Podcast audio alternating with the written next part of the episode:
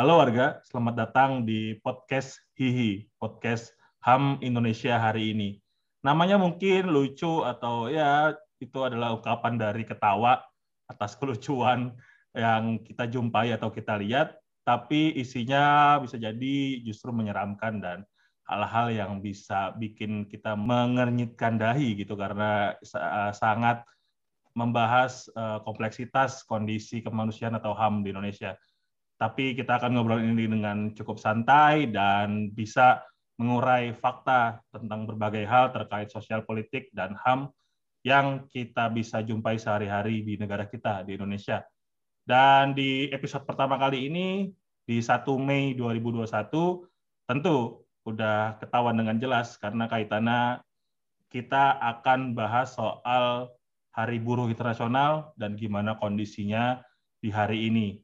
Tapi gue nggak sendirian, gue akan ngobrol bareng salah seorang buruh yang begitu aktif menyuarakan soal hak-hak tenaga kerja, kemudian juga sangat concern dengan isu uh, hak-hak perempuan, tenaga kerja perempuan, kaitan dengan kekerasan seksual, dan uh, patriarki yang juga masih sangat merajalela dalam kehidupan Eh, tenaga kerja perempuan di Indonesia per hari ini.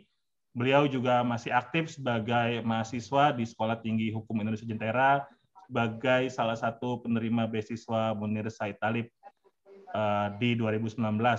Udah bergabung dengan kita yakni Mbak Jumisi. Halo Mbak. Halo Bang Jali. Apa kabar, Apa kabar? nih Mbak Jumisi? sehat Bang, Bang Jali juga sehat ya. Terus semangat untuk menyiapkan May Day 2021 nih Mbak ya. Yes, pastinya harus semangat. Kalau bikin poster di tahun ini kira-kira kalimat apa nih yang paling pas yang mau Mbak Jumisi tulis di poster uh, May Day atau Hari Buruh Internasional di tahun ini? yang pasti yang tidak boleh terlupakan adalah cabut Undang-Undang Cipta Kerja nomor 11 tahun 2020. Itu utama. Itu utama, Bang. iya, karena ini menarik ya. Ini May Day atau Hari Buruh uh, Internasional pertama pasca pemberlakuan atau pengesahan Undang-Undang Cipta Kerja 11 2020 atau kayak kemarin-kemarin eh, banyak disebut sebagai Undang-Undang Omnibus Law karena teknik penyusunan dan sebagainya yang mengundang banyak kontroversial. Mungkin kalau kita bisa flashback ke Oktober 2020 ya bahkan sebenarnya perjuangan perlawanannya sudah dilangsungkan begitu lama ada banyak banget aspek yang bisa kita kritisi dari mulai penyusunannya sampai ke isi atau substansi materi dari undang-undang tersebut ini May Day mm pertama uh, setelah gila Oktober tuh juga dilalui dengan keringat dan darah yang akhirnya ya sialnya akhirnya itu tetap tetap disahkan pemerintah tetap apa tutup kuping dan sebagainya. Gimana nih Mbak uh, perasaan atau semangatnya untuk menjalani May Day pertama pasca Omnibus Law Undang-Undang Cipta Kerja ini berlaku? Hmm, uh, sebelumnya aku mau cerita dulu, Bang. Jadi aku itu kemarin buka-buka di naskah akademik sama risalah pada saat Undang-Undang Cipta ini Cipta Kerja ini dibahas di DPR. Jadi itu perkiraannya sekitar April sampai Oktober. Itu kan ngebut banget ya, Bang uh, dia melampaui banyak hal gitu. Dia kadang dilakukan di gedung DPR, tapi banyak juga yang dilakukan di hotel. Uh, kemudian waktunya sangat dikebut, mengambil waktu-waktu reses. Uh, kadang sehari bisa dua kali rapat gitu. Jadi sebetulnya yang paling banyak dibahas kalau berdasarkan risalah-risalah yang aku bongkar-bongkar kemarin, ada seminggu kemarin tuh aku sibuk bongkar-bongkar itu, Bang. Itu adalah terkait dengan kemudahan investasi.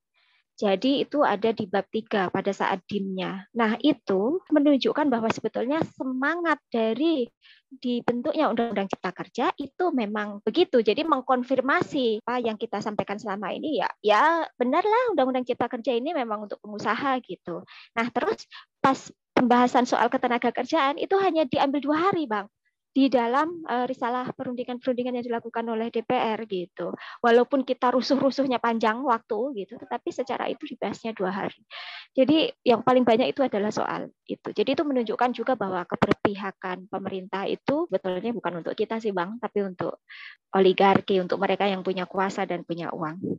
Nah ngomong-ngomong soal May Day gitu, jadi tahun ini memang tahun pertama setelah Undang-Undang Cipta Kerja itu berlaku gitu. Dan sebetulnya kalau yang paling kentara yang kemudian langsung up to date gitu ya langsung begitu diperlakukan ketok palu uh, diundangkan gitu. Contoh konkret di basis aku tentang PHK sekarang ini PHK-nya adalah pakai uh, undang-undang yang baru pakai undang-undang yang sebelumnya pakai undang-undang ketenaga kerjaan, sekarang pakai undang-undang cipta kerja dan turunannya, yaitu PP 35 tahun 2021 dan perhitungan pesangonnya itu tidak bisa menggunakan Undang-Undang 13 lagi. Perhitungan pesangonnya itu lebih kecil, Bang, di dalam PP 35 tahun 2021. Gitu. Jadi sebetulnya ada praktek penyelundupan menurutku ya karena sebetulnya di PP itu melegitimasi kompensasi-kompensasi gitu Bang yang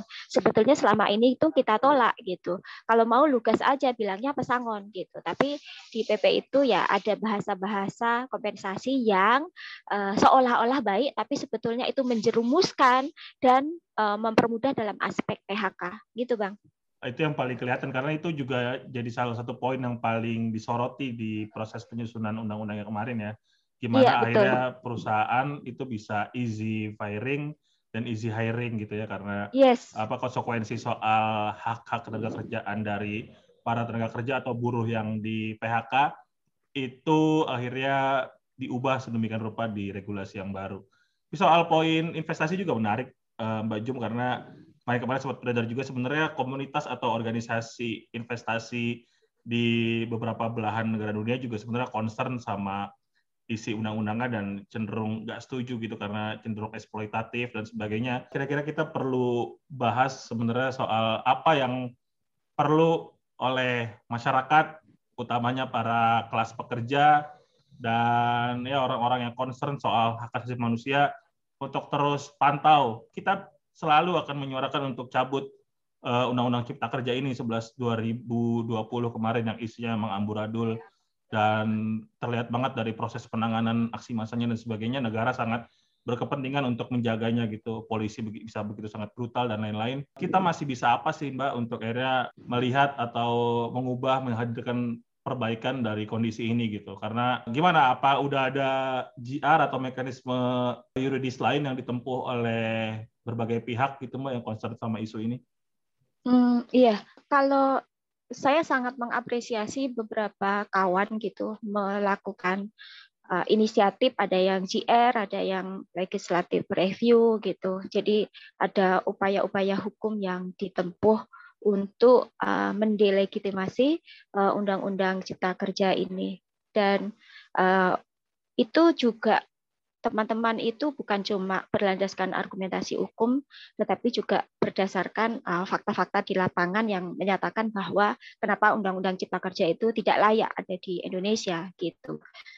Dan uh, itu juga prosesnya melibatkan teman-teman buruh, melibatkan massa. Jadi bukan keinginan dari uh, sepihak beberapa orang gitu, tetapi memang keinginan banyak pihak gitu dan dan banyak cara untuk menuju Roma, banyak cara untuk mendelegitimasi atau uh, mencabut atau membuat undang-undang sialan ini tidak berlaku gitu.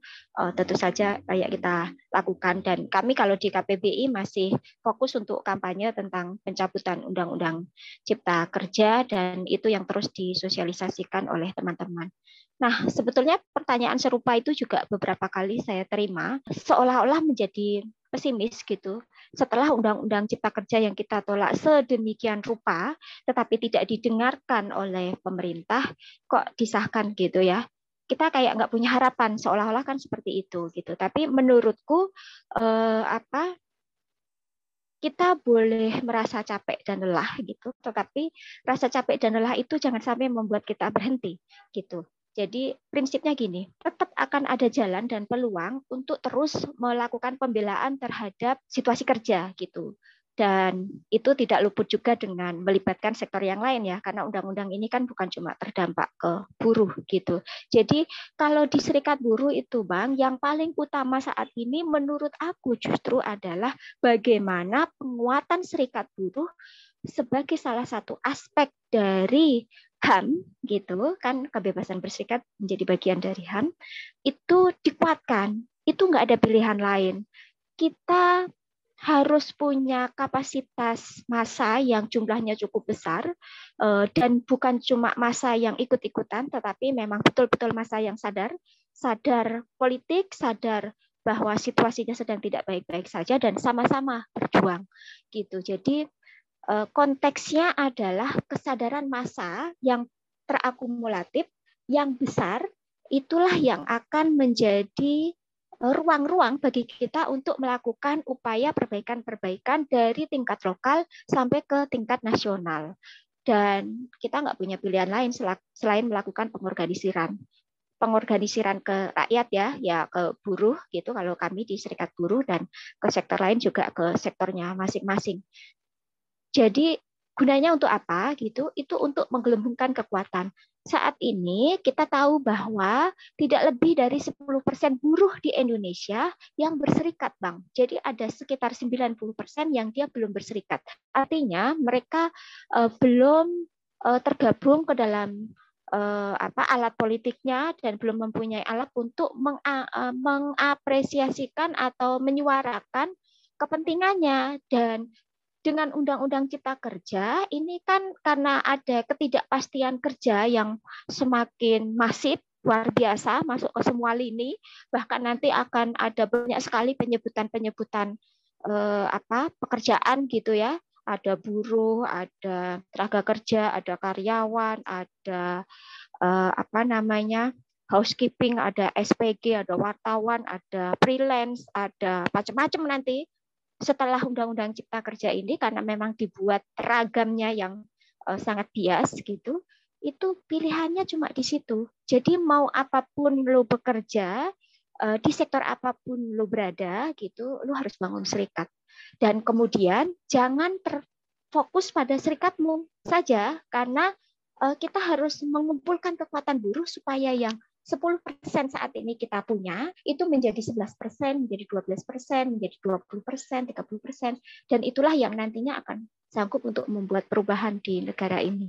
Gitu. Itu kalau kita berbicara cukup besarnya seperti itu Bang Jali. Tapi kalau skup jangka pendeknya atau skup kecil-kecil yang bisa kita lakukan day to day itu adalah menguatkan basis pengorganisiran di pabrik-pabrik atau tempat kerja masing-masing karena di sana masih ada ruang negosiasi dengan pengusaha langsung gitu. Walaupun seolah-olah eh, bahwa dengan melakukan negosiasi langsung dengan pengusaha maka seolah-olah negara lari dari tanggung jawab gitu. Dan itu terjadi saat ini bang.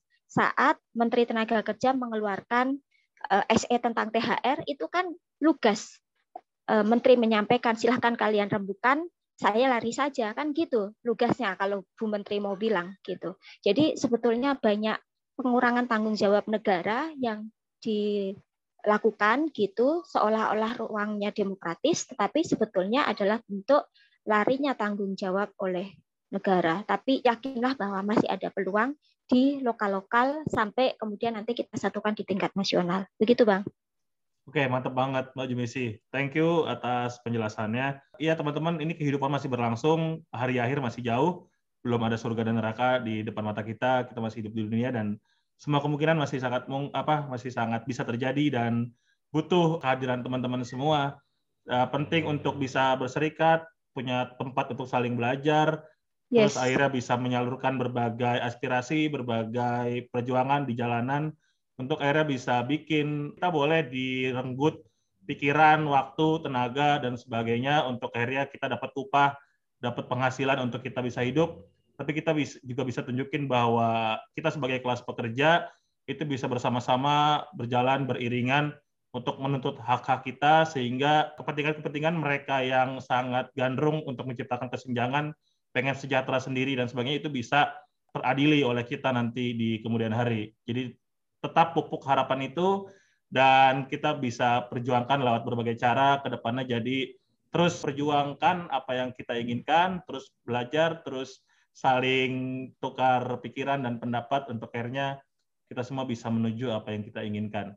Oke, Amin. mungkin itu aja obrolan kita kali ini di episode pertama podcast Hihi. Harapannya ini podcast atau obrolan soal HAM dan sosial politik di Indonesia ini bisa berlangsung secara rutin setiap hari karena ya berbagai permasalahan di Indonesia ini nggak ada habisnya dari berbagai sudut kita semua diserang untuk era bisa uh, hidup dalam ketidakadilan atau bagi mereka yang hidup dengan nyaman merasa tidak ada masalah apa-apa di negara ini. Padahal ada banyak banget uh, masalah yang tadi bahkan Mbak Jumisi secara jelas dan gamblang negara nggak punya keberpihakan dan negara justru cenderung lari dari permasalahannya. Terima kasih Mbak Jumisi atas waktunya. Baik, Bang. Sampai ketemu di jalanan dan berbagai cara perjuangan untuk kehidupan yang jauh lebih adil dan setara seperti yang kita inginkan demi kemanusiaan dan demi ya kebahagiaan kita semua. Terima kasih Amin. Mbak Jum. Makasih Bang ya. Jali. sampai ketemu juga teman-teman di episode selanjutnya. Sampai ketemu di berbagai ruang untuk membicarakan hal-hal soal HAM, sosial politik, kemanusiaan di Indonesia. Sampai jumpa.